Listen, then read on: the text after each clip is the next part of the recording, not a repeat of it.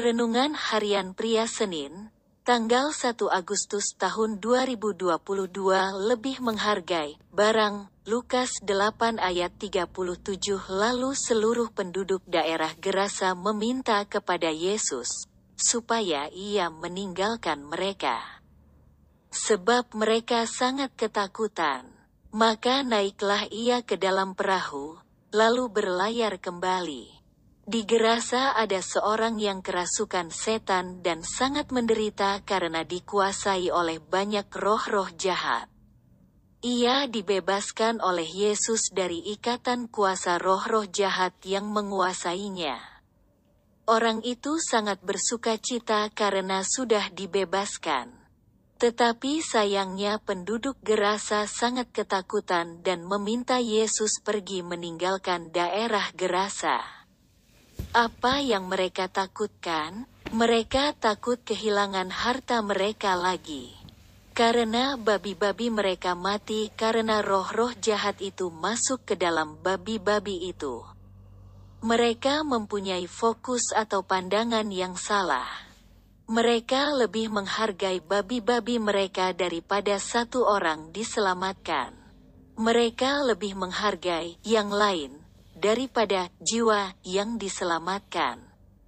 Mereka lebih menghargai barang daripada hubungan. Orang-orang di Gerasa lebih menghargai barang daripada orang.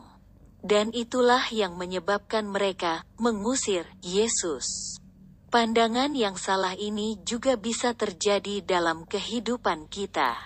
Menyadari atau tidak, kita bisa lebih menghargai yang lain daripada hubungan kita dengan Tuhan.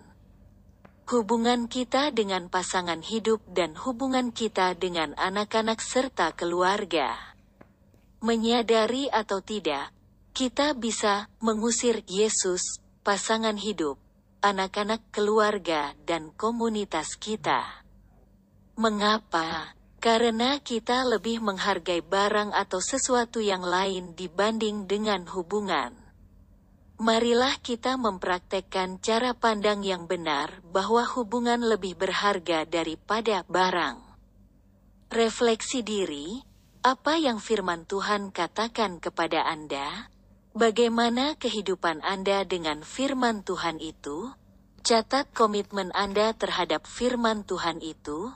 Doakan komitmen Anda itu, pengakuan iman. Saya lebih menghargai hubungan dengan Tuhan, pasangan hidup, anak-anak dan keluarga daripada barang.